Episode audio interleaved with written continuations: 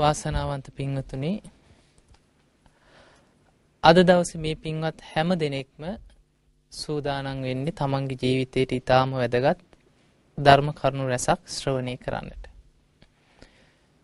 පින්වතුනි ධර්ම දේශනාව ශ්‍රවණය කරන්න පෙරම ඔබ හොඳට මතක තබා ගත යුතු කරුණු කීපයක් තියෙනවා. ධර්මය අවබෝධ කරන්න නම්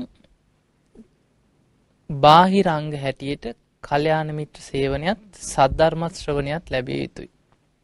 කල්යාණ මිත්‍රයන්ගෙන් බුදුරජාණන් වහන්සේගේ ධර්මය අහන්න ලැබෙන්නට ඕන. ඒ ධර්මය අවබෝධ කරගන්න නම් අහන්න ලැබුණට මදි. තමන් තුළ තමන්ගේ ජීවිතය තුළත් කරුණු දෙකක් පිහිටව ගන්නට ඕන. පළවෙනි එක තමයි යෝනිසෝ මනසිකාරය. ධර්මය නුවනින් විමසීමේ හැකියා. දෙවනි එක ධම්මානුදම් ප්‍රතිපදාව. ධර්මානුකූලව ජීවත්වීමේ දක්ෂතාව. එතකොට මේ සද්ධර්මයේ කල්යාණ මිත්‍රයෙක්ගෙන් අහද්දී අහන්න ලැබෙද්දී යෝනිසෝ මනසිකාරය යෙදෙන්න නම් තමන් තුළ මේ කරුණු තියෙන්නට ඕන. පළවෙනි එක තමයි ධර්මය ඇසීමේ අප්‍රමාණ ආසාවක් හිතේ තියෙන්න ඕන. දැන් ඒ ආසාව ඇති කරගෙන ධර්මයේ ශ්‍රවණය කරන්නට ඕන. දෙවනි එක තමයි ධර්මයක් ඇහෙද්දී තමන්ගේ අවධානය කන් යොමු කරගෙන අවධානයේ පිහිටවාගෙන දේශනාව අවසන් වෙන කල්ම ධර්මයේ ශ්‍රවණය කරන්න දක්ෂ වෙන්නට ඕන. තුන්වෙනි කාරණේ හිතේ අදිෂ්ඨානයක් පිහිටව ගන්නට ඕන මේ ධර්මයේ මං අවබෝධ කරගන්න. මේ ධර්මයේ මගේ ජීවිතයට ගලප ගන්න. මම ධර්මය අවබෝධ කරගන්න කෙනෙක් වෙනවා කියන අදිෂ්ඨානය තමන් තුළ තියෙන්නට ඕන. තර පළවෙනි එක ධර්මය ඇසීමේ ආසාව දෙවනි එක හොඳ අවධානයෙන් ධර්මයේ ශ්‍රවණය කිරීම තුන්වෙනි එක අවබෝධ කරගන්නවා කියන අදිෂ්ඨානය. හතරවෙනි එක තමයි අත්හං ගන්හාති කියන අදාළ ධර්ම කරුණු ග්‍රහණය කරගන්නවා. මතක තියාගන්නවා. තමන්ගේ මතකේ ධාරණය කරගන්න දක්ෂ වෙන්නට ඕන. පස්වෙනි එක බුදුරජාණන් වහන්සේ පෙන්නනවා ධර්මය අවබෝධ කරන්න නම් එයා අනවශ්‍ය අරමුණු ඔස්සේ හිත යන්න ඉඩ නොදී තමන්ගේ හිතට මතක්කෙන දැන් ඔබ මෙතන බණහද්දි ඔබේ හිත නොයෙක් අරමුණු ඔස්සේ දුවනවා. ඒක තමයි හිතේ ස්වභාවය. බුදුරජාණන් වහන්සේ පෙන්වනවා දූරංගමං ඒක චරා. මේ හිතට දුර ඈත ගමන් තියෙනවා. දැන් ඔබ මෙතන හිටියට සැනින් ඔබේ හිත ගෙදරට දුවනවා. දරු මල්ලන්ගේ ගෙවල් දොරවල් කෙරෙහි හිත යොමු වෙනවා. සමහර විට තව තව රටේ ප්‍රශ්න ගමේ ප්‍රශ්න නොයෙක් දේවල් හිතට මතක් වෙනවා. නමුත් මේ එකක්වත් අවබෝධයට හේතු වෙනවද? නෑ. ඒ නිසා අනවශ්‍ය දේවල් හිතින් බැහැර කරන්නට ඕන. අනත්තන් රිංචති. අවබෝධයට හිත පිහිටවාගෙන අදාළ ධර්ම කරුණු මතක තියාගෙන අනවශ්‍ය දේවල් හිතින් බැහැර කරන්නට ඕන. මෙන්න මේ කරුණ ටික හොඳට මතක තියාගන්න. අද අපි මේ ලෝකයේ තියෙන මේ සත්වලෝක සත්‍යයන්ගේ ජීවිතවලට ඇතිවෙන බලපෑම් මේ වගේ කරුණු කීපයක් කතා කරමු. දවසක් බුදුරජාණන් වහන්සේ ආනන්ද හාමුදුරුවොත් එක්ක විවේකයෙන් සිටිද්දි ආනන්ද හාමුදුරන්ට මතක් වුණා බුදුරජාණන් වහන්සේ මීට පෙර කලින් බුදු කෙනෙක් ගැන කියපු කතාවක්. මතක් කියලා බුදුරජාණන් වහන්සේ මුණ ගැහෙන්න ඇවිල්ලා බුදුරජාණන් වහන්සේට වන්දනා කළ කෙනා ස්වාමීනී භාග්‍යතුන් වහන්සේ මට මතකයි තථාගතයන් වහන්සේ මේ දවසක් මාත් එක්ක කිව්වා සිකී කියලා මීට කලින් හිටපු බුදුරජාණන් වහන්සේ නමකට අභිභූ කියලා අග්‍ර ශ්‍රාවකයන් වහන්සේ කෙනෙක් හිටියා. ඒ කියන්නේ සාරිපුත්ත මොග්ගල්ලාන වගේ අග්‍ර ශ්‍රාවකයන් වහන්සේ කෙනෙක් හිටියා සිකී බුදුරජාණන් වහන්සේට. ඒ අග්‍ර ශ්‍රාවකයන් වහන්සේගේ නම තමයි අභිභූ. මේ අභිභූ කියන අග්‍රශ්‍රාවකයන් වහන්සේට දස දහසක් ලෝකධාතුවල ඉන්න සත්‍යයන් එක කතා කරන්න පුළුවන්. ඉර්දියෙන්. තැමුගලන් හාමුදුරුව ඉර්දිමතුන් අතර අග්‍රයි. අන්නේ වගේ අභිභූකින අග්‍රශ්‍රාවකයන් වහන්සේට තිබුණ ඉර්දිමේ හැකියාවක් දස දහසක් ලෝකධාතු එක ලෝකධාතුවක් නෙමේ ලෝකධාතු දස දහසක ඉන්න සත්‍යයන් එක ඉර්දියෙන් කතා කරනවා. ඒ සත්ව ලෝක එක්ක සම්බන්ධතා පවත්වනවා. එතකොට පිටසක්වල ලෝක ධාතු එක්ක සම්බන්ධතා පවත්වන 이르දිමේ හැකියාවක් තිබුණා. මේ සිදුවීම කියලා ආනන්ද හාමුදුරහන ස්වාමීනි ඒ අග්‍ර ශ්‍රාවකයන් වහන්සේ කෙනෙකුට එවැනි හැකියාවක් පිහිටියානම් අනේ ස්වාමීනි බුදුරජාණන් වහන්සේ නමකට කොයිතරම් හැකියාවක් 이르දිමේ හැකියාවක් තියනවද කියලා අහන මේ විශ්වයේ තියෙන අනික් ලෝක ධාතු වල ඉන්න සත්‍යයන් එක්ක සම්බන්ධ වෙන්න. හැබැයි බුදුරජාණන් වහන්සේ එකපාරට මේකට උත්තරේ දුන්නේ බුදුරජාණන් වහන්සේ ආනන්ද හාමුදුරන්ට දේශනා කරන ආනන්දය තථාගතයන් වහන්සේගේ හැකියාව අනන්තයි අපමෙයයි. අනන්තයි අප්‍රමාණයි. උන්වහන්සේ නිහඬව හිටියා. ආනන්ද හාමුදුරුවෝ දෙවනි වතාවෙත් බුදුරජාණන් වහන්සේට වන්දනා කළා කියන අනේ ස්වාමීනි අපි හරි ආසයි කියව ශ්‍රාවකයන් හැටියට තථාගතයන් වහන්සේගේ හැකියාව දැනගන්න. අභිභූ කියන අග්‍ර ශ්‍රාවකයන් වහන්සේ දසදහසක් ලෝක ධාතුල ඉන්න සත්වෝ එක්ක කතා කරනවනම් තථාගත බුදු කෙනෙකුට කොයිතරම් හැකියාවක් තියනවද කියලා අහනවා ලෝක ධාතුවල ඉන්න පිටසක්වල ජීවීන් එක්ක සම්බන්ධතාව පවත්වන්න. දෙවනි වතාවෙත් බුදුරජාණන් වහන්සේ වදාළ ආනන්ද තථාගතයන් වහන්සේලාගේ හැකියාව අනන්තයි අපමෙයයි. ඇයි බුදුරජාණන් වහන්සේ එකපාරටම උත්තර දෙන්නේ නැත්තේ මේ වගේ ප්‍රශ්න වලට? ධර්මාවබෝධයේ පැත්තකින් තියලා ලෝක ධාතු ගැන හොයන්න යනවා. ඊට පස්සේ විශ්වය ගැන ග්‍රහතාරකා ගැන ලෝක ධාතු ගැන ඕවා හොය හොය ඉඳලා කිසිම අවබෝධයක් නැතුව මැරිලා යනවා. අන්න ඒ නිසා බුදුරජාණන් වහන්සේ එක සැනින් අවබෝධයට උපකාර නොවන මේ ලෝකයේ තියෙන අනෙක් කාරණා ගැන හෙළිදරව් කරන්නේ යම් සිදුවීමක් මුල් වුණොත් විතරයි උන්වහන්සේ හෙළිදරව් කරන්නේ. ඊළඟට බුදුරජාණන් වහන්සේලාගේ ස්වභාවයක් තියෙනවා සමහර ප්‍රශ්න වලට බුදුරජාණන් වහන්සේලා එකෙල්ලේ පළවෙනි වතාවෙම පිළිතුරු දෙනවා. ඒකාංශ ව්‍යාකරණේ පඤ්ඤා කියන. බුදුරජාණන් වහන්සේගේ ප්‍රශ්නයක් අහද්දී උන්වහන්සේ ඒ ප්‍රශ්නෙට එකපාරටම පිළිතුරු දෙනවා. ඒ අවබෝධයට උපකාර වෙන චතුරාර්ය සත්‍ය අවබෝධයට නිවනට උපකාර වෙන ප්‍රශ්නයක් ඇහුවොත් ඒ සැනින් පිළිතුරු දෙනවා. සමහර ප්‍රශ්න තියෙන අවබෝධයට උපකාර වෙන්නේ නමුත් සද්ධාවට මේ ලෝකෙ ගැන දැනගන්න උපකාර වෙන ප්‍රශ්න. ඒ වගේ ප්‍රශ්න වලට තුන් වතාවක් යනකන් නිහඬව ඉඳලා තුන්වෙනි වතාවේ බුදුරජාණන් වහන්සේ පිළිතුරු දෙනවා. මේ ප්‍රශ්නෙටත් ආනන්ද හාමුදුරුව අහපු මේ ප්‍රශ්නෙටත් බුදුරජාණන් වහන්සේ තුන් වතාවක්ම නිහඬව හිටියා. ආනන්ද හාමුදුරුව කොහොම බුදුරජාණන් වහන්සේගේ ස්වභාවය හොඳට අවබෝධ කරගත්ත කෙනෙක්. උන්වහන්සේ තමයි උපස්ථායක. ආනන්ද හාමුදුරුව දන්නවා මේකට උත්තරේ ගන්න ක්‍රමේ. තුන් වතාවක්ම ඇහුවට පස්සේ ඊළඟ වතාවේ පිළිතුරු දෙන බව දන්නවා. තුන්වෙනි වතාවෙත් ආනන්ද හාමුදුරුවෝ අහනවා "අනේ ස්වාමීනි භාග්‍යතුන් වහන්සේ අපි හරිය ආසයි කියව තථාගතයන් වහන්සේගේ හැකියාව දැනගන්න." ඒ නිසා බුදු කෙනෙකුට කොයිතරම් හැකියාවක් තියනවද කියලා හුව මේ පිටසක්වල ජීවින් එක්ක මේ ලෝක ධාතුලින් අනෙක් සත්‍යයන් එක්ක සම්බන්ධතාව පවත්වන්න. බුදුරජාණන් වහන්සේ වදාළ ආනන්දය ඔබ නැවත නැවතත් නැවත නැවතත් පුන පුනා තථාගතයන් වහන්සේගෙන් එකම ප්‍රශ්නය ඇහුවා. ඔන්න තථාගතයන් වහන්සේ මේ ප්‍රශ්නෙට පිළිතුරු දෙනවා. ආනන්ද හොඳට මතක තියාගෙන ධාරණය කරගන්න කියලා.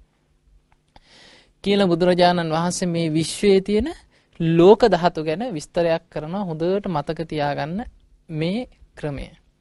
බුදුරජාණන් වහන්සේ වදාළ ආනන්ද සූර්යාගේ ආලෝකයේ මේ විශ්වයේ යම් තාක් දුරට විහිදෙනවද?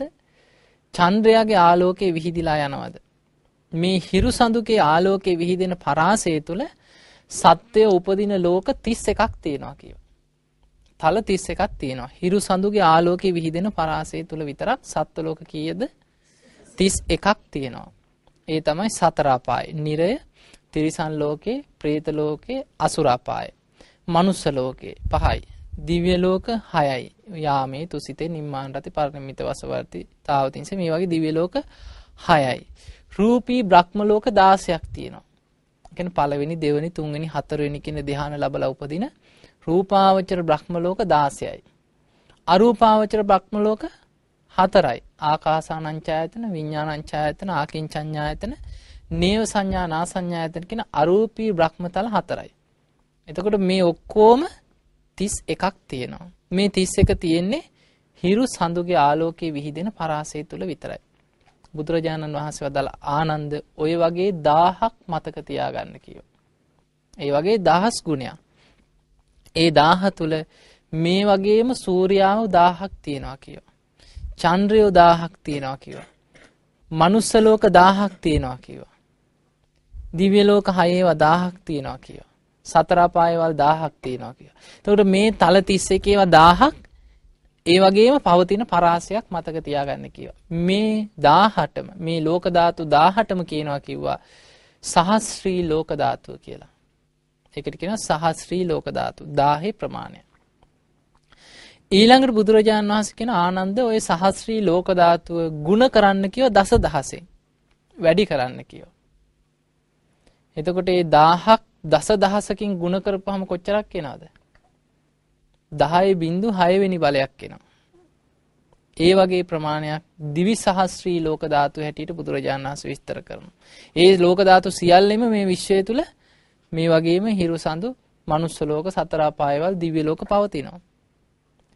ඊළඟට බුදුරජාණන් වහන්සේ කියන ආනන්ද ඒ දිවි සහස්ත්‍රී ලෝක ධාතු. ඒ කියන්නේ 10.6 වෙනි බලයක් එන ඒ ලෝක ධාතුවත් ಗುಣ කරන්න කියව තවත් දස දහසකින්. 10.11 වෙනි බලයක් එනවා. ඒකට කියනවා ත්‍රි සහස්‍රී ලෝක ධාතු. මේ මේ ත්‍රි සහස්‍රී ලෝක ධාතුව තමයි බුදු කෙනෙක්ගේ ආඥා ශේස්ත්‍රයේ බවට පත් වෙන්නේ. බුදු කෙනෙක්ගේ විශේෂපතේ ගත්තොත් අනන්ත විශ්වයටම විහිදලා යනවා. මෙතනින් එහා චතුසහස්සී පංචසහස්සී හැටියට ලෝක ධාතු විස්තර කරගෙන විස්තර කරගෙන යනවා. නමුත් බුදු කෙනෙක්ගේ විශේෂපතේ සීමාව බවට පත් වෙනවා ත්‍රි සහස්සී ලෝක ධාතු. මේකටම තමයි කියන්නේ කෝටි ලක්ෂයක් සක්වල කියලා. ඔබ අහලා ඇති කෝටි ලක්ෂයක් සක්වල ආඥා පිහිටවමින් දේශනා කරපු දේශනාවන් තියෙනවා. රතන සූත්‍රය. ඊළඟට ආටානාටි සූත්‍රය. මේ වගේ සූත්‍ර දේශනා බොජ්ජංග දේශනේ මේ වගේ දේශනා කීපයක් තියෙනවා. ඒ දේශනා කීපේ පමණක් මේ දසදහසක් ලෝක ධාතු වල විතරක් නෙමෙයි ද්විසහස්‍රී ත්‍රිසහස්‍රී කියන ලෝක ධාතු දක්වාම ආඥා පිහිටවල තියෙනවා. ඒ බුදු කෙනෙක්ගේ ආඥා ශේෂ්ත්‍රී බවට පත් වෙලා තියෙනවා. බුදුරජාණන් වහන්සේ වදාළ ආනන්ද තථාගතයන් වහන්සේගේ ඊර්දි බලෙන් උන්වහන්සේට පුළුවන් කිව්වා කැමතිනම් චූලනිකා ලෝක ධාතුට ඒ කියන්නේ සහස්‍රී ලෝක ධාතුවට දස දහසක් ලෝක ධාතුවට ඉන්න සියලු සත්‍යයන් එක්ක සම්බන්ධතාව පවත්වන්න පුළුවන්ක 이르දී. ඒ විතරක් නෙමෙයි කිය බුදු කෙනෙකුට පුළුවන් කිව්වා දවිසාහස්්‍රී ලෝක ධාතුවට එක දර් දහයිබින්දු හයවැනි බලයක් දක්වා විහිදිලා යන ලෝක ධාතුවලට සම්බන්ධය පවත්වන්න පුළුවන්ක ඉරදී. ඒ විතරක් නෙමෙකි ආනන් තතාගතයන් වහන්සේ කෙනෙකුට ඉරදි බලයෙන් ත්‍රීසාහසී ලෝක ධාතුවේ ඉන්න සත්‍යයන් එක්කත් කතා කරන්න පුළුවන් කියෝ. දැම් මේ දේශනාව කරද්දී ඇත්තෙම සද්ධාවක් තියෙන කෙනෙකුට නම් බුදුරජාණන් වහන්සේගේ ඉර්දිමය හැකියාව ගැන ලෝකවිදූ ගුණය ගැන සද්ධාාවක් පැහැදීමක් ඇති වෙනවද නැද්ද? ඇති වෙනවා. එතකොට ආනන්ද හාමුදුරුවන්ට බුදුරජාණන් වහන්සේ ගැන පුදුමාකාර සද්ධාාවක් ඇති වුණා. ආනන්ද හාමුදුරන්ගේ ඇඟේ ලොමු ඩැහැගත්තා. ඇඟ කිලිපොලාගෙන ගියයි සද්ධාවට. ආනන්ද හාමුදුරු බුදුරජාණන් වහන්සේට වන්දනා කළා කියන ස්වාමීනි තථාගතයන් වහන්සේගේ හැකියාව අනන්තයි අප්‍රමාණයි කියවා. මේ බුදුරජාණන් වහන්සේගේ හැකියාව ගැන ඇහුවට පස්සේ මට පුදුමාකාර සතුටක් ඇති වුණා ස්වාමීනි මට අදාහ ගන්න බෑ කිව්වා මම පුදුම සතුටෙන් කිව්වා මේ කාරණා ටික අහගෙන හිටියේ. අන්න ඒ වෙලාවේ ඒ කතාව අහගෙන හිටියා උදායි කියලා ටිකක් නහයට අහන්න නැති භික්ෂුවක් හිටියා. බුදුරජාණන් වහන්සේ ඒගේ ධර්මයටවත් එච්චර කී කරු නැති අනිත් භික්ෂූන් වහන්සේලා එක්කත් නිතර ගැටුම් ඇති කරගන්න භික්ෂුවක් හිටියා. මේ උදායි හාමුදුර එකපාරටම ආනන්ද හාමුදුරන්ට කියනවා ආනන්ද ඔයා මොකද මේ ඉදිමෙන්නේ? ඒ හැකියාව තියෙන බුදුරජාණන් වහන්සේට. ආනන්දට නෙමෙයිනේ. මේ ආනන්ද මොකද ඇහුව මෙච්චර මේ අමුතුවෙන් කිලිපොලාගෙන ගිහිල්ලා මෙච්චර සද්ධාවකින් මේ සතුටු වෙන්නේ මොකටද? ඇහුව ආනන්දට ඒ හැකියාවක් නැහැ නේ ඒ වෙලේ බුදුරජාණන් වහන්සේ වදාලා හා හා උදායි කටවහ ගන්න කිව්වා. ඕ ওই විදිහට කතා කරන්න එපා කිව්වා. බුදුරජාණන් වහන්සේගේ ලෝකවිදු ගුණය ගැන ආනන්දගේ හිතේ මේ වෙලාවේ ඇතිවෙච්ච පැහැදීමම දිව්‍ය ලෝකවල උපදින්නත් සක්විති රජකම් ලබන්නත් ඒ පිනම හේතු වෙනවා කිව්වා. නමුත් බුදුරජාණන් වහන්සේ වදාලා නමුත් ආනන්ද මේ ජීවිතේම ධර්මය අවබෝධ කරගෙන පිරිනවන් පාන කෙනෙක්. එතකොට බලන්න කෙනෙකුට බුදු කෙනෙක්ගේ බුදු ගුණයක් ගැන ඇති කරගන්න පැහැදීම කොයිතරම් සුගතිගාමී වීම පිණිසත් ධර්මාවබෝධය ලැබීමටත් උපකාර වෙනවා. ඉතින් ඒ නිසා හොඳට මතක තියාගන්න අපි සරණ ගිය බුදුරජාණන් වහන්සේ මේ මනුස්ස ලෝකයේ ගැන විතරක් දන්න කෙනෙක් නෙවෙයි. උන්වහන්සේට තිබුණා පුදුමාකාර නුවණක් උන්වහන්සේ අපට නොපෙනෙන තව බොහෝ ලෝකයන් ගැන උන්වහන්සේ අවබෝධ කරගෙන තිබුණා. එතකොට දිව්‍ය ලෝක, බ්‍රහ්ම ලෝක, සතර අපාය, නිරය, තිරිසන් ලෝක, പ്രേත ලෝක මේ තල 31 ඇතුලේ තියෙන මේ හිරු සඳුගේ ආලෝකයේ විහිදෙන පරාසය තුල තියෙන ලෝක ගැන විතරකුත් නෙවෙයි. දස දහසක් ලෝක ධාතු ගැන අවබෝධයක් තිබුණා. ද්විසහස්‍රී ත්‍රිසහස්‍රී ලෝක ධාතු ගැන අවබෝධයක් තිබුණා. එතකොට උන්වහන්සේට මේ විශ්වය ගැන පුදුමාකාර අවබෝධයක් තිබුණා. ඒ අවබෝධය තුළ පිහිටලා බුදුරජාණන් වහන්සේ අපට ධර්ම කරුණු පෙන්වලා දුන්නා. ධර්මය අවබෝධ කරගෙන සංසාර දුකින් නිදහස් වීම පිණිස. ඉතින් මේ පින්වතුන්ට අද දවසේ මේ බුදු ගුණ ගැන හිත පහදවා ගන්න ගමන් අපේ කාගේ ජීවිතවලට බලපෑමක් එල්ල වෙන ඔබ දන්නවා නිරන්තරයෙන් මේ විශ්වය තුල තියෙන එක්තරා භයානක වදුරකින් නිදහස් වෙන ආකාරය බුදුරජාණන් වහන්සේ පෙන්ලා දීලා තියෙනවා. ඔබ දන්නවා මම මේ කාලය තුල නිරන්තරයෙන් අමනුෂ්‍ය බලපෑම් ගැන කතා කරනවා. ඉතින් ඒ නිසා බලමු අපි බුදුරජාණන් වහන්සේ ආඨානාටිය දේශනාව තුළින් ආරක්ෂා වෙලා ධර්මාවබෝධයට යෑම පිණිස ශ්‍රාවකයන්ට පෙන්නපු ආකාරය ගැන. දැන් ඇත්තෙන්ම ගත්තොත් පින්වතුනි මේ යුගයේ තුල බුදුරජාණන් වහන්සේ මේ මහා සාල කියලා තියෙන අංගුත්තර නිකායේ දේශනය මේ දේශනාවේ සඳහන් වෙනවා අනාගතේ ඒ කියන්නේ ඒ කාලේ බුදුරජාණන් වහන්සේගෙන් අහන මහා සාල කියන බ්‍රාහ්මණය ස්වාමීනි දැන් ඉස්සර වගේ නෙමෙයි එන්න එන්න මිනිස්සු විශාල වශයෙන් මැරෙනවා. එන්න එන්න ගම් නගර ජනශූන්‍ය වෙලා විශාල වශයෙන් මිනිස්සු මැරි මැරි යනවා. ස්වාමීනි මේකට හේතුව මොකද්ද? මැරෙනව විතරක් නෙමෙයි ආයුෂත් අඩු වෙනවා. දැන් බලන්න ආයුෂ අඩු වීම ගැන. බුදුරජාණන් වහන්සේ පහළ වෙනකොට මිනිස්සුන්ගේ ආයුෂ කීයද? 120යි ඒ කාලේ. ඒ කාලේ මේ සාමාන්‍ය ආයු අපේක්ෂණ 120යි. සාමාන්‍ය ආයු අපේක්ෂණ 120යි කියන්නේ ඊට වඩා වැඩිපුර ඉන්න පුළුවන්ද බැයිද? කලාතුරකින් පුළුවන්. දැන් බලන්න බක්කුල මහරහතන් වහන්සේ අවුරුදු 160ක් වැඩ හිටියා. ආනන්ද හාමුදුර අවුරුදු 120යි. මහා කාශ්‍යප හාමුදුර අවුරුදු 120යි. එතකොට අවුරුදු 120 තමයි සාමාන්‍ය ආයු අපේක්ෂණීය. පින තියන අය ඊට වඩා වැඩිපුර හිටපු අය හිටියා. නිරෝගී සම්පත් ලැබපු අය. එතකොට අද බලන්න වර්තමානයේ මිනිස්සුන්ගේ ආයු අපේක්ෂාව කීයද? ලංකාවේ කාන්තාවකගේ ආයු අපේක්ෂණය අවුරුදු 68ක් 69ක්. පිරිමින්ගේ 70 69 තියෙන්නේ. එතකොට ලංකාව තුල 70කට අඩු වෙලා. සමහර මැද පෙරදිග රටවල් අරන් බැලුවොත් ආයුෂ අවුරුදු 55 60 වගේ තියෙන්නේ. ලෝකේ ආයුෂ අඩුම රටවල් මොනවද? අප්‍රිකානු රටවල්. මධ්‍යම අප්‍රිකාවේ කාන්තාවකගේ ආයු අපේක්ෂාව අවුරුදු 38යි. පිරිමියෙක්ගේ අවුරුදු 39 40යි. උපරිම අවුරුදු 40 45 වෙනකොට මැරෙනවා. හටින් භාගයකට වැඩි ඒඩ්ස්. ඒකට මේ විදිහට ගත්තොත් කන්න නැතුව ඊළඟ නොයෙක් වසංගත ලෙඩ රෝග මේ වයින් විශාල වශයෙන් අප්‍රිකානු රටවල මිනිස්සු අඩු වයසෙන් මැරෙනවා. එතකොට මේ කෝටි 650ක් ඉන්න මේ මනුස්ස ලෝකේ ජනගහනය අතරින් මේ සියලු මේ රටවල් වල මිනිස්සු අරගෙන ආයුෂ සාමාන්‍යයක් ගත්තොත් බෙදලා බෙදලා මධ්‍යනයක් අරන් බැලුවොත් මේ වෙනකොට අපේ මිනිස් ආයුෂ කීයක් විතර අඩුද තියෙන්නේ? 60ක් විතර. අපි ගමු 60යි කියලා. එතකොට ඔන්න ඔබට මං හදන්නේ මේ ආයුෂ අඩු වෙන ආකාරය ගැන පෙන්වලා දෙන්න. බුදුරජාණන් වහන්සේ පිරිනිවන් පාලා අවුරුදු කීයද? 2552යි මේ තුන ලබන්නේ. එතකොට අවුරුදු 2552ක් ඇතුළත මිනිස් ආයුෂ කීයක් අඩු වෙලාද? අවුරුදු 120 ඉඳන් 60ට අඩු වෙලා. භාගයකින් අඩු වෙලාද නැද්ද අපේ ආයුෂ? භාගයකින් ආයුෂ අඩු වෙලා. එතකොට මේ ආයුෂ තව එන්නේ අනාගතයේ අඩු වෙයිද වැඩි වෙයිද?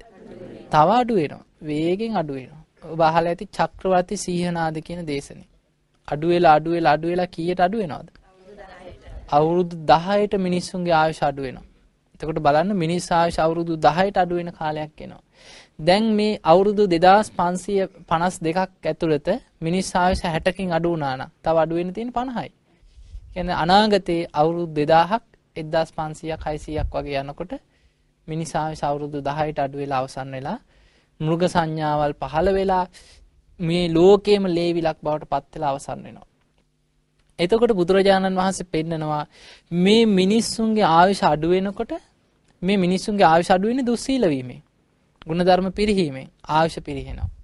ඉතින් මේත් එක්ක බැඳිච්ච ලෝකේ ජනගහනය අඩු වෙලා යන්න මුල් වෙන කරුණු තුනක් තියෙනවා. පළවෙනි එක තමයි කියනවා මේ ලෝක සත්‍යයන් දුස්සීල වෙනකොට අධර්ම රාගයෙන් විෂම ලෝභයෙන් මිත්‍යා දෘෂ්ටියෙන් යුක්ත වෙනකොට බුදුරජාණන් වහන්සේ පෙන්වලා දෙනවා එකිනෙකා ආගම් අනුව බෙදෙනවා රටවල් අනුව බෙදෙනවා ඉඩකඩම් අනුව වෙන් කර ගන්නවා ගම් නගර අනුව බෙදෙනවා ಜಾති කුල ගෝත්‍ර අනුව බෙදෙනවා. බෙදිලා නිකන් ඉන්නේ ආයුධ අතට ගන්නවා. ආයුධ තනාගෙන කණ්ඩායම් අනුව බෙදලා යුද්ධ කරගෙන දහස් ගණන් ලක්ෂ ගණන් මැරෙනවා. ගම් නියම් ගම් ජන ශූන්‍ය වෙලා යනවා. දැන් බලන්න ලෝකේ යුද්ධයක් නැති රටක් තියනවද? හැම රටකම ගත්තොත් යුද්ධ. දවසකට කීයක් කී දහහක් මැරෙනවද ලෝක යුද්ධ වලින්? එතකොට යුද්ධ නිසා බුදුරජාණන් වහන්සේ දැක්ක අනාගතයේ ලෝක ජනගහනය වේගෙන් අඩු වෙන්නේ එක කාරණයක් යුද්ධ. දෙවැනි කාරණේ බුදුරජාණන් වහන්සේ පෙන්වනවා ලෝකේ අනාගතේ මේ මිනිස්සුන් දුස්සීල වෙනකොට පොළොව වාසී දෙවිවරු කිපෙනවා. දේව කෝපයක් හට ගන්නවා. පොළොව ආශ්‍රිත දෙවියන්ගේ කිපීම නිසා දෙවියන් මිනිසුන් අතහැරලා ඈත් වෙනවා. ඒ ඈත් වෙනකොට බාහිර පටවි ආපෝ තේජෝ කියන සතර මහා ධාතු කම්පා වෙනවා. බාහිර පටවි කියන්නේ මහා පොළොවට. ආධ්‍යාත්මික පටවි කියන්නේ මේ ශරීරයේ තියෙන කේස් ලොම් නිය දත් ආදී කොටස් ගොරෝසු. බාහිර පටවි කියන්නේ පොළොව. පොළොව කම්පා වෙනවා කියන්නේ භූමි කම්පා ඇති වෙනවා නායාම් ඇති වෙනවා. එතකොට මේ පොළොවේ ඇති වෙන කම්පා වීම නිසා පටවි ධාතුවේ කම්පාව නිසා දහස් ගණන් ලක්ෂ ගණන් මැරෙනවා මිනිස්සු. බුදුරජාණන් වහන්සේ වදාළ අනාගතේ මිනිස්සු දුස්සීල වෙනකොට බාහිර ආපෝ ධාතුවත් කම්පා වෙනවා. ආධ්‍යාත්මික ආපෝ කියන්නේ මේ කෙල සොටු මේ ශරීරයේ තියෙන වැగిරිලා යන ගලාගෙන යන දේවල්. බාහිර ආපෝ කියන්නේ ජලය. එතකොට ගංගා මුහුදු ජලය මේ ජලය කිපීම නිසා ගංගාවල් ගොඩ ගලනවා මුහුදු ගොඩ ගලනවා සුනාමි වගේ විපත් ඇති වෙනවා ගම් වතුර ගලනවා. ඒ හේතුවෙන් අනාගතේ දහස් ගණන් ලක්ෂ ගණන් මිනිස්සු මැරෙනවා ලෝකෙ. ඊළඟට බාහිර තේජෝ ධාතුව කිපිලා මිනිස්සු මැරෙනවා. උෂ්ණත්වය වැඩි වෙනවා. විශාල නියඟ දුර්භීක්ෂ ඇති වෙනවා ලෝකෙ. පරිසර උෂ්ණත්වය ඉහළ යෑමෙන් මිනිස්සු මැරෙනවා. දැන් බලන්න සමහර රටවල් තියෙනවා උෂ්ණ කාලය එනකොට සිය දහස් ගණන් මිනිස්සු මැරෙනවා. දරා ගන්න බෑ. සෙල්සියස් අංශක 50 55 උෂ්ණත්වය වැඩි වෙන රටවල් තියෙනවා. අරාබි රටවලත් එහෙමයි. මේ උෂ්ණත්වය නිසා මිනිස්සු මැරෙනවා. ඊළඟට වායෝ ධාතුව කිපීමෙන් බාහිර වායෝ ධාතුව කිපිලා මැරෙනවා. වායෝ කියන්නේ සුළං, සුලි සුළං, කුණාටු මැරෙනවා. දැන් බලන්න එතකොට නායාම්, භූමිකම්පා, සුලි සුළං, කුණාටු, සුනාමි මේ ස්වාභාවික විපත් වැඩිවීමෙන් අනාගතයේ මිනිස්සු විශාල වශයෙන් මැරෙන බව බුදුරජාණන් වහන්සේ දැක්කා. දැන් අද බලන්න ප්‍රවෘත්ති අහලා බලන්න. කී දහහක් ලෝකේ මේ ගම් වතුරෙන් සුනාමි නොයේක් අනතුරු වලින් කොච්චර මැරෙනවද? එතකොට බලන්න මිනිස් ජනගහනය අනාගතයේ අඩු වෙන පළවෙනි කාරණේ එකක් යුද්ධ. දෙවෙනි එක ස්වාභාවික විපත්. තුන්වෙනි එක බුදුරජාණන් වහන්සේ පෙන්වුවා අනාගතයේ මිනිස්සු ගුණ ධර්මයන්ගෙන් පිරිහිලා යනකොට දුස්සීල වෙනකොට සැඩ යක්ෂයන් මිනිසුන් අතරට යකුන් මුදා හරිනවා කියනවා. අර දුස්සීල මිනිස්සු අතරට යක්ෂ සේනාධිපතිවරු මොකද කරන්නේ සැඩ යක්ෂයන් යකුන් මුදා හරිනවා. ඒ බලගතු අමනුෂ්‍යයන් යක්ෂයන් ඒ මිනිස්සු අතර ඇවිල්ලා අරක් ගන්නවා. ගම්වල යක්ෂයෝ අරක් ගන්නවා. නගර ජනපද අමනුෂ්‍යයන්ගේ ගොදුරු බවට පත් වෙනවා. දැන් බලන්න විශාලා මහනුවර රෝග දුර්භික්ෂ අමනුෂ්‍ය. එතකොට මහා භයානක අමනුෂ්‍යයන්ගේ යක්ෂයන්ගේ ගොදුරු බවට විශාලා මහනුවර පත් වුණා. ඒ වගේ අනාගතයේ නොයෙක් ගම් නියම් ගම් නගර ජනපද අමනුෂ්‍ය ග්‍රහණයකට හසු වෙනවා. ඒ හසු වීමෙන් දහස් ගණන් ලක්ෂ ගණන් මිනිස්සු මැරෙනවා. එතකොට වර්තමානයේ තුල මිනිස්සු මරණයට පත් වෙන ප්‍රධානම හේතු කාරණා තුනෙන් එකක් තමයි අමනුෂ්‍ය බලපෑම. යුද්ධ, ස්වාභාවික විපත්, ඊළඟට අමනුෂ්‍ය බලපෑම. මේ අමනුෂ්‍ය බලපෑම් වලින් ආරක්ෂා වෙන්න පුළුවන්කමේ තියෙනවා තෙරුවන් සරණ ගිය ශ්‍රාවකයන්ට. තෙරුවන් සරණ යනවා කියන බුදුරජාණන් වහන්සේව සරණ ගිය ධර්මයේ සරණ ගිය ශ්‍රාවක සංඝරත්නයේ සරණ ගිහින් සිල්වත් ජීවිතයක් ගත කරන ආර්ය ශ්‍රාවකයන්ට පුළුවන්කම තියෙනවා. ඉතින් මේ ආටානාටිය සූත්‍රයේ තියෙන මෙන්න මේ කාරණේ. එදා බුදුරජාණන් වහන්සේ වැඩ හිටියේ කොහෙද? ගිජ්ජකූට පර්වතේ. වැඩ සිටිද්දි මහා රාත්‍රී මේ ලෝකේ සිව් දිසාවල් පාලනය කරන දෙවියන් හතර දෙනෙක් ඉන්නවා. දිව්‍ය ලෝකවලට අධිපති කවුද? දෙදෙව්ලොවට අධිපති අපි කතා කරන සක්‍ර දෙවිය. මේ සක්‍ර දෙවියන් පාලනය කරන මේ ලෝකේ තුල මේ සිව් දිසාවල් පාලනය කරන්න පත් කරපු දෙවියන් හතර දෙනෙක් ඉන්නවා. උතුරු දිසාව පාලනය කරන වෛශ්‍රවණ දෙවියෝ. එතකොට මේ වගේ වෛශ්‍රවණ විරූඪ විරූපාක වෛශ්‍රවණ ත්‍රුදරාෂ්ට්‍ර කියන මේ සතරවරම් දිවුරු හතර දෙනා තමයි මේ ලෝකයේ උතුරු දිසාව නැගෙනහිර දිසාව දකුණු දිසාව බටහිර දිසාව කියන දිසාවල් හතර පාලනය කරන පාලක දෙවිවරු. මේ දෙවියන් යටතේ තමයි ඉන්නේ සියලු අමනුෂ්‍ය සේනාවල් ඉන්නේ මේ දෙවියන්ගේ අනසක යටතේ. උතුරු දිසාව තුල ඉන්න වෛශ්‍රවණ දෙවියන්ගේ පාලනයේ තමයි ඉන්නේ යක්ෂයන්. ඊළඟට නාග කුම්බාණ්ඩ ගහන්දරව කියන මේ සියලු අමනුෂ්‍ය සේනාවල් ප්‍රධාන වශයෙන් කොටස් හතරකට බෙදුවොත් ඒ සියලු අමනුෂ්‍යෝ සතරවරම් දෙවියන්ගේ පාලනය යටතේ ඉන්නේ.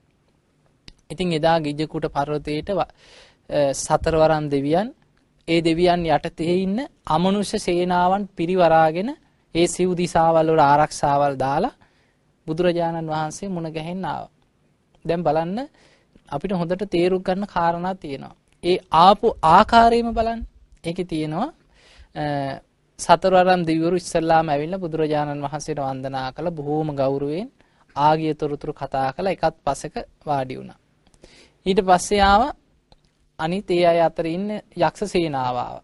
සමහර යක්ෂයෝ ඇවිල්ලා ඒත් බුදුරජාණන් වහන්සේට වන්දනා කරලා බොහොම ගෞරවයෙන් ස්වාමිනී භාග්‍යතුන් වහන්සේ කොහොමද ඉතින් තොරතුරු එහෙම කියලා කතා බහ කරලා වාඩි වුණා.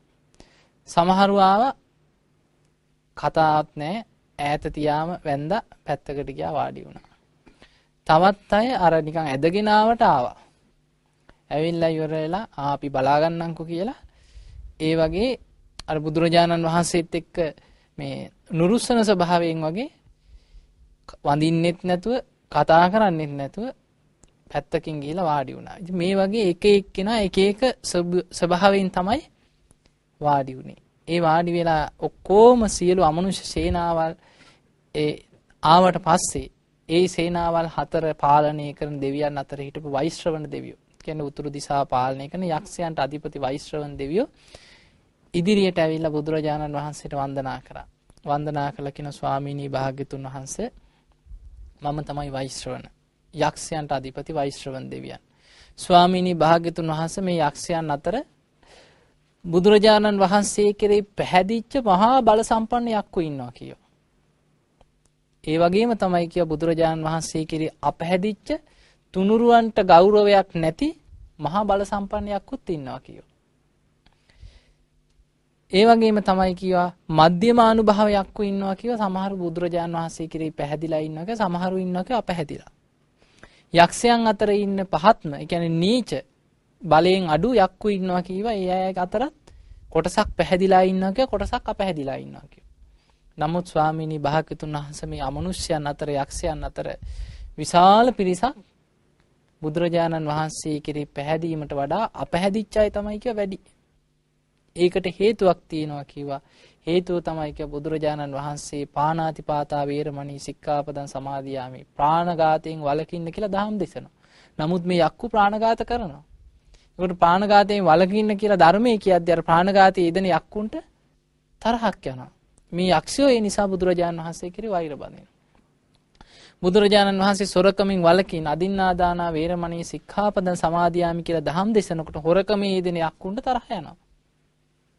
වැරදි කාම සේවනයෙන් වළකින්න කියලා දහම් දෙසද්දී වැරදි කාම සේවනයේ යෙදෙන යක්කුන්ට තරහ යනවා.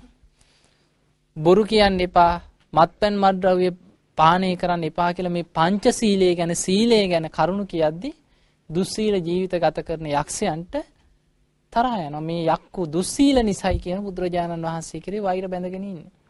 එතකොට ඕක අද සිද්ධ වෙන්නේ නැද්ද මනුස්ස ලෝකේ? අද ධර්මයේ කියද්දි සීලය ගැන කියද්දි හොරකම් කරන්න එපා කියපම හොරුන්ට තරහ යනවා. බොරු කියන්න එපා කියපම බොරු කියන මිනිහා තරහ යනවා. බොන්න එපා කියපම බේබද්දා වැඩි පිරිසක් තරහ ගන්නේ. ධර්මයටත් බැනගෙන බුදුරජාණන් වහන්සේටත් ගරහගෙන යනවා. ඒ ස්වභාවයමයි අර අමනුෂ්‍ය අතරත් තිබුණේ. කියනවා ස්වාමීනි භාගතුන් වහන්සේ මේ හේතුවෙන් මේ තුනුරුවන් කෙරේ අපහැදීමෙන් ඉන්න මේ යක්කුන් භික්ෂු භික්ෂුණී උපාසක උපාසිකා කියන සිවණ ශ්‍රාවකයන්ට හිරිහැර කරන්න පුළුවන් කිව්වා. ඒ යක්ෂයන් හිරිහැර කරනවා කිව්වා. එතකොට භික්ෂු භික්ෂුණී උපාසක උපාසිකා. එතකොට අපට අදාළද නැද්ද ඔබට? අදාළයි. සිව්වනක් පිරිසටමයි මේ අමනුෂ්‍යයන්ගේ උදුරු. පැවිද්දන්ට විතරක් නෙමෙයි. උපාසක උපාසිකා මේ අයටත් මේ බලගතු අමනුෂ්‍යෝ හිරිහැර කරනවා. ඇයි හිරිහැර කරන්නේ? මේ යක්කු බුදුරජාණන් වහන්සේ කෙරෙහි වෛරයි. ධර්මයට වෛරයි. සංඝයා කෙරෙහි අපහැදීමෙන් ඉන්නේ දුස්සීලයක්. කොහොමද හානි කරන්නේ? ගච්ඡන්තෝ අනුගච්ඡේය. ඒ අය යනකොට අමනුෂ්‍යයත් එයත් එක්කම එනවා. හිතෝම අනුහිතේ. එයා නතර වෙනකොට අමනුෂ්‍යයත් එයා ළඟම නතර වෙලා එයා ඇසුරු කරගෙන නතර වෙනවා. එයා ඉඳ ගන්නකොට අමනුෂ්‍යයත් එයා අනුව ඉඳ ගන්නවා. එයා නිදා ගන්නකොට එයා ළඟින් ඇවිල්ලා නිදා ගන්නවා. මේ පහළුවක් නැහනේ. හැබැයි නිදාගෙන ළඟින් තනියට වටේ පස්සෙන් එනව නෙමෙයි. ඇවිල්ලා මොකද කරන්නේ? කරදරි හිරිහැර කරනවා. නොයෙක් ලෙඩ රෝග ඇති කරනවා, ඇඟේ තියෙන ලේ ටික උරා බොනවා. මේ ශරීරයේ තියෙන ආහාර ඕජා උරා බොනවා. ඒ මුල් කරගෙන නොයෙක් ලෙඩ රෝග, නොයෙක් විපත් ඇති කරනවා. කරදර ඇති කරනවා, පීඩාවල් ඇති කරනවා. අන්නේ විදියට අමනුස්සයෙක් බලගතු යක්ෂයෙක් මේ සිව්වනක් පිරිස යනකොට පිටිපස්සෙන් එනවනම් ඉඳ ගන්නකොට ඉඳ ගන්නවනම් නිදා ගන්නකොට නිදා ගන්නවනම් හිරිහැර පීඩා කරනවනම් ස්වාමිනී භාග්‍යතුන් වහන්සේ භාග්‍යතුන් වහන්සේගේ ධර්මයේ හැසිරෙන තෙරුවන් සරණ ගිය ඒ භික්ෂු භික්ෂුණී උපාසක උපාසිකා කියන සිව්වනක් ශ්‍රාවකයන්ගේ ආරක්ෂාව පිණිස අපි ඉදිරිපත් වෙනවා කිව්වා. කවුද මේ කතාව කිව්වේ? වෛශ්‍රවණ දෙවියෝ. යක්ෂයන්ට අධිපති වෛශ්‍රවණ දෙවියෝ.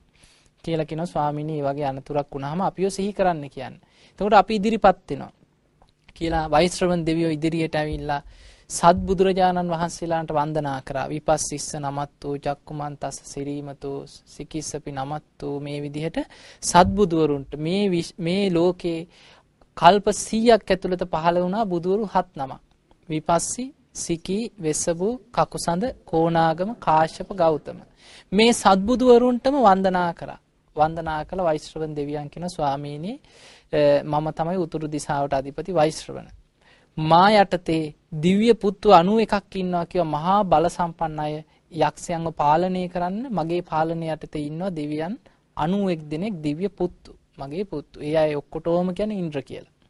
ඒ වගේම තමයි කියව ගහන්දරව කුබ්බාණ්ඩ නාග මේ වගේ අනිත් අමනුෂ්‍ය සේනාවල් පාලනය කරන්නත් ඒ රුද්‍රාක්ෂ්ට විරූඩ විරූපාක කියන අනිත් දෙවිවරුන්ටත් ඒ වගේම සේනාවල් ඉන්නවා.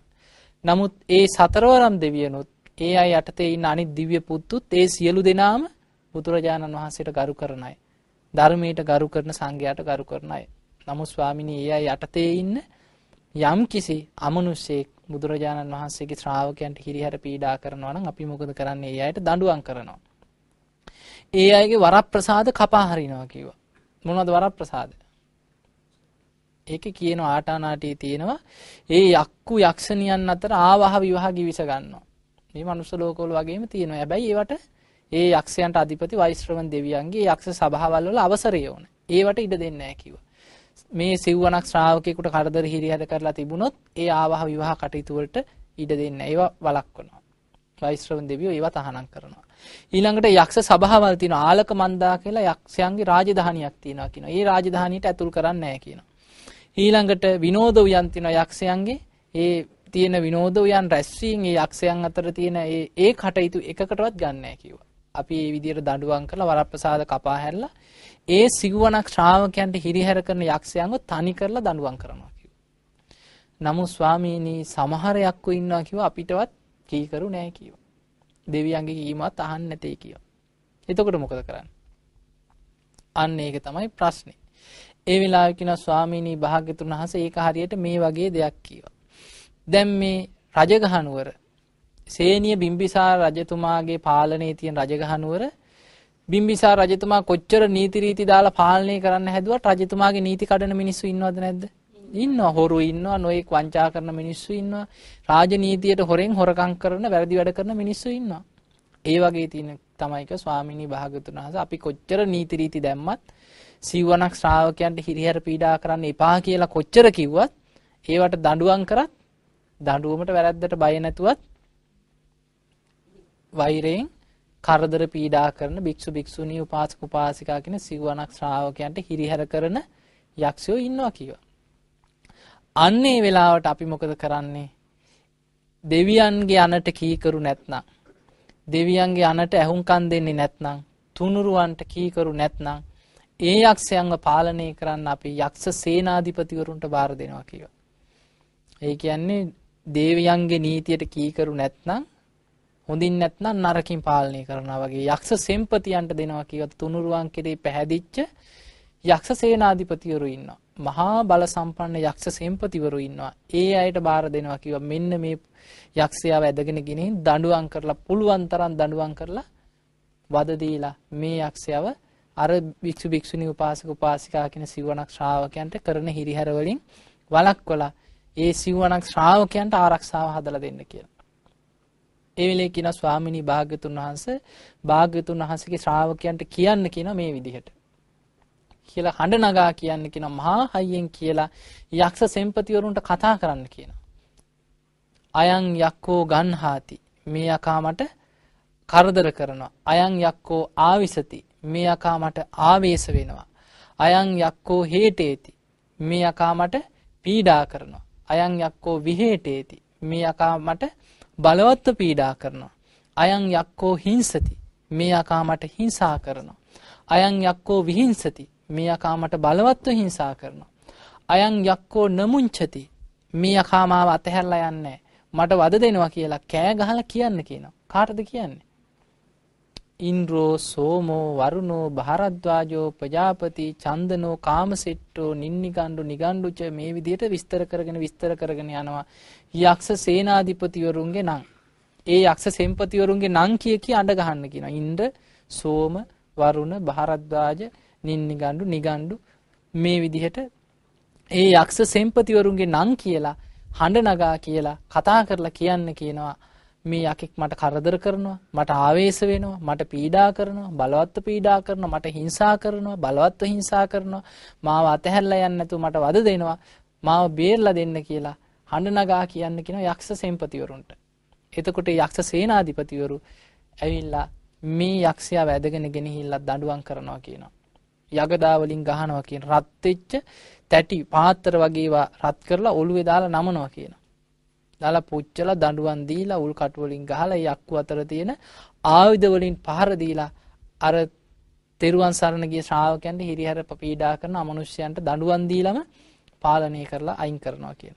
එතකොට හොඳින් නැත්නම් නරකින් හරි ඒ යක්ෂයන්ව দমনය කරලා භික්ෂු භික්ෂුණී උපාසක උපාසිකා කියන සිව්වණක් ශ්‍රාවකයන්ගේ ආරක්ෂාව සහතික කරනවා. ස්වාමීනි භාග්‍යතුන් වහන්සේ මෙන්න මේ කාරණේ කියලා යන්නයි කිව්ව අපි ආවේ.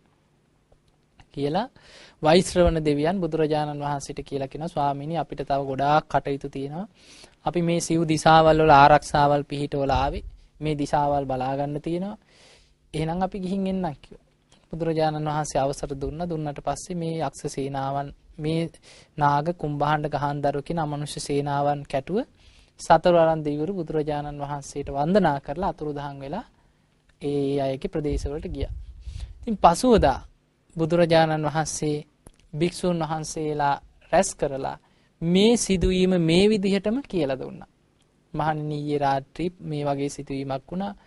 මේ යක්ෂ නාග කුම්භාණ්ඩ ගහන්දරු කියන මේ සිව් සේනාවන් අරගෙන මේ ලෝකයේ සිව් දිසාවල් පාලනය කරන දෙවිවරු හතර දෙනා පැමිණියා. පැමිණලා මේ මේ විදිහට කියලා දුන්නා කියලා අර කතාව ඒ විදිහටම කිව්වා. එතකොට මේක තමයි ආටානාටි සූත්‍රයේ සඳහන් වෙන සිදුවීම. එතකොට මේකේ තියෙන කාරණේ දැන් ඔබට පැහැදිලි වෙන්න ඕනේ.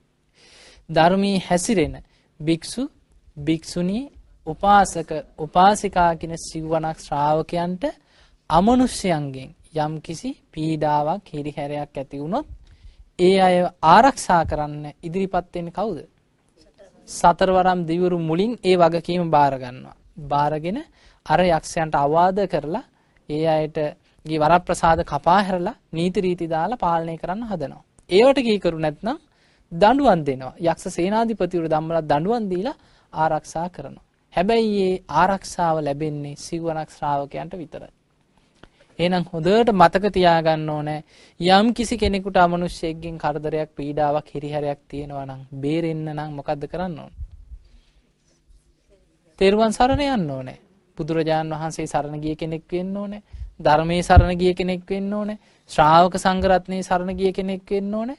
පන්සිල් රකින්න කෙනෙක් වෙන්න ඕනේ. එතකොට භික්ෂු භික්ෂුණී උපාසක උපාසිකා කියන සිව්වණක් ශ්‍රාවකයන්ට අයිති කෙනෙක් වෙන්න ඕනේ. අන්න ඒ කණ්ඩායම් හතරට අයිති නම් විතරයි සතරවරම් දෙවියන් ඉදිරිපත් වෙලා ආරක්ෂා කරන්නේ. එහෙම නැත්නම් සීලයක් නැත්නම් ධර්මයක් නැත්නම් තුනුරුවන් නැත්නම් එයාව රකින්න දෙවියන් එන්නේ නැහැ. ධර්මයක් නැති අය ආරක්ෂා කරන්න දෙවියන් ඉදිරිපත් වෙන්නේ නැහැ. ඒ නිසා ඒ අය අර අමනුෂ්‍යොත් එක්කම ජීවත් වෙලා අමනුෂ්‍යොත් එක්කම මැරිලා අමනුෂ්‍ය අතරට යන එක විතරයි තියෙන්නේ. ඉතින් ඒ නිසා පින්වතුනි හොඳට මතක තියාගන්න. අපේ ජීවිතයේ තුල අපි මේ ජීවත් වෙන්නේ අපිට මේ බාහිරින් පේන මේ ලස්සන ලෝකයක් යාන වාහන තියෙන ගොඩ නැගිලි තියෙන මේ චන්ද්‍රිකා අහසට යවන මේ විදිහේ බොහොම සුන්දර ලෝකයක නෙවෙයි. මේ ලෝකයේ තුල අපි නොදන්න අපි නොපෙනෙන විශාල গুপ্ত බලවේග තියෙනවා. ඒ තුලින් විශාල වශයෙන් මිනිස්සු මරණයට පත් වෙනවා. සමහරු අපිට මුණ ගැහෙනවා අවුරුදු ගණන් හොඳ නොවන අංශභාග රෝගීන් ඉන්නවා. මේ හිටි හැටියේ මේ තරුණ ළමයි හිටි හැටියේ කට පැත්තකට ගිහිල්ලා ඇඟේ පැත්තක් පන්න නැති වෙලා අංශභාගය. ඉතින් නොයේක් තැන්වල ගිහින් වෛද්‍ය ප්‍රතිකාර කරනවා කරනවා කරනවා කිසිම වෛද්‍ය ප්‍රතිකාරයකට සුව වෙන්නේ නැහැ. වෛද්‍යවරුන්ට සුව කරගන්න බෑ. පස්සේ බලද්දි ඇඟේ ඉන්නවා මේ අංශභාගය හැදිලා අවුරුදු ගාණක් දුක් විඳලා මැරිච්ච තාත්තා. එක්කසී යාච්චි කෙනෙක්.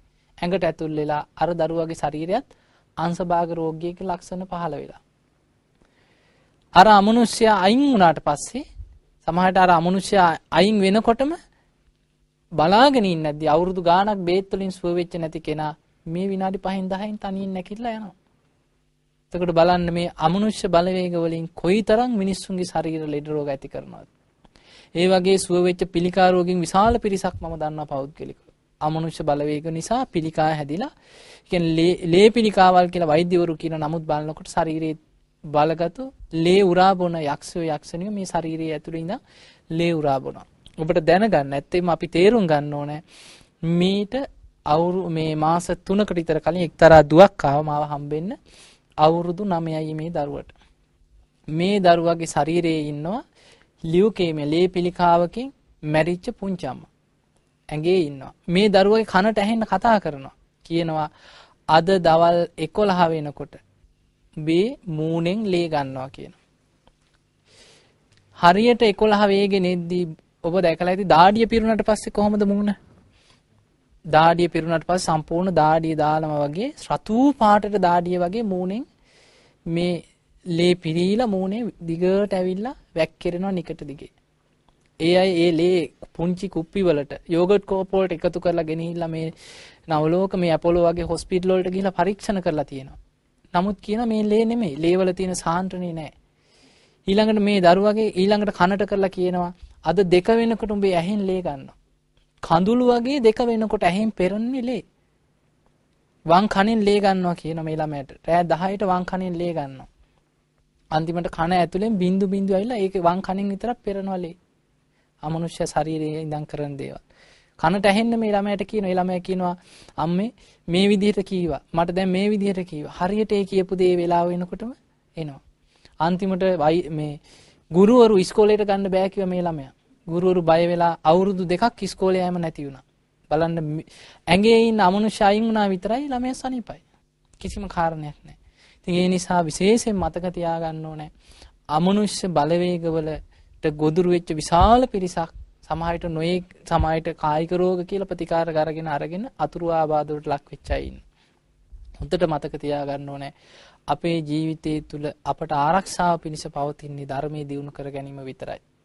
හොඳට මතක තියාගන්න අපි ධර්මයේ දියුණු කරේ නැත්නම් භාවනාවක් දියුණු කරගත්තේ නැත්නම් සිල් රැක්කේ නැත්නම් අපේ හිතට තියෙන රැකවරණය මොකද්ද? සිහිය. සතර සතිපට්ඨානය කියන්නේ සිහිය දියුණු කරන වැඩපිළිවෙල. භාවනාව දියුණු වෙන්නේ සතිපට්ඨානේ. සිහිය දියුණු කරේ නැත්නම් මරණාසන්න වෙනකොට සිහි කල්පනාව නැති වෙනවා. සිහිය දුර්වල වෙනවා. සමහරට දරුවා අඳුන ගන්න බෑ. කෑවද බීවද මතක නැහැ. ඔබ දැකලා ඇති වයසකයි. සිහිය දුර්වල වෙනකොට අර ඥාති ප්‍රේතයන් අමනුෂ්‍යයන් මොකද කරන්නේ? මෙයාගේ මනස ආක්‍රමණය කරනවා. මෙයා ඉදිරියේ පෙනී ඉන්නවා. මෙයාගේ බෙල්ල මිරි කරනවා. අතින් අදිනවා, කකුලෙන් අදිනවා. වරින් වරකට වරින් යන්න කියලා කරදර කරනවා. ඒ නිසා ඔබ දැකලා ඇති වයසක අය ලෙඩ වෙච්ච අය සිහි කල්පනා අඩු වෙගෙන යනකොට කෑ ගහනවා. අනේ අපේ මැරිච්ච බාප්පා අඳිනවා, මගේ බෙල්ල මිරි කරනවා, මැරිච්ච තාත්තා පේනවා. ඔබ අහලා ඇති ඕන තරම්. අර අමනුෂ්‍ය පෙනී ඉඳලා ඇදගෙන යන්න හදනවා. ඒ නිසා හොඳට මතක තියාගන්න ධර්මයේ දියුණු කිරීමෙන්මයි රැකවරණය.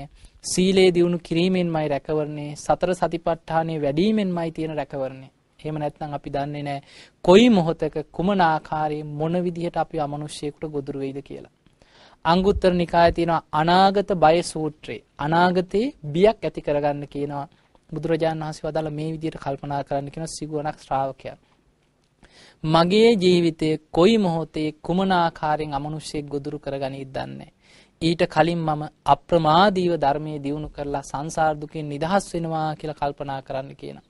ඒ නිසා මේ පින්වතුන් අදිෂ්ඨානයක් ඇති කරගන්න අද දවස ඊටාම සද්ධාවෙන් ධර්මයේ ශ්‍රවණය කරා මේ රැස් කරගත්ත සියලුම පුණ්‍ය ධර්මයන් මේ පින්වතුන්ගේ ජීවිතවලට උපකාර වෙලා මේ පින්වත් හැම දිනාටම සද්ධාව ආදී ගුණ ධර්මයන් දියුණු කරගෙන සීලය දියුණු කරගෙන සතර සතිපට්ඨානය දියුණු කරගෙන අමනුෂ්‍ය වූදුරකට ලක් නොවි ධර්මය අවබෝධ කරගෙන සංසාර දුකින් නිදහස් වෙන්න වාසනාව උදා වේවා කියන සාදු කියලා හැම කෙනෙක්ම අදිෂ්ඨානයක් ඇති කරගන්නට ඕන.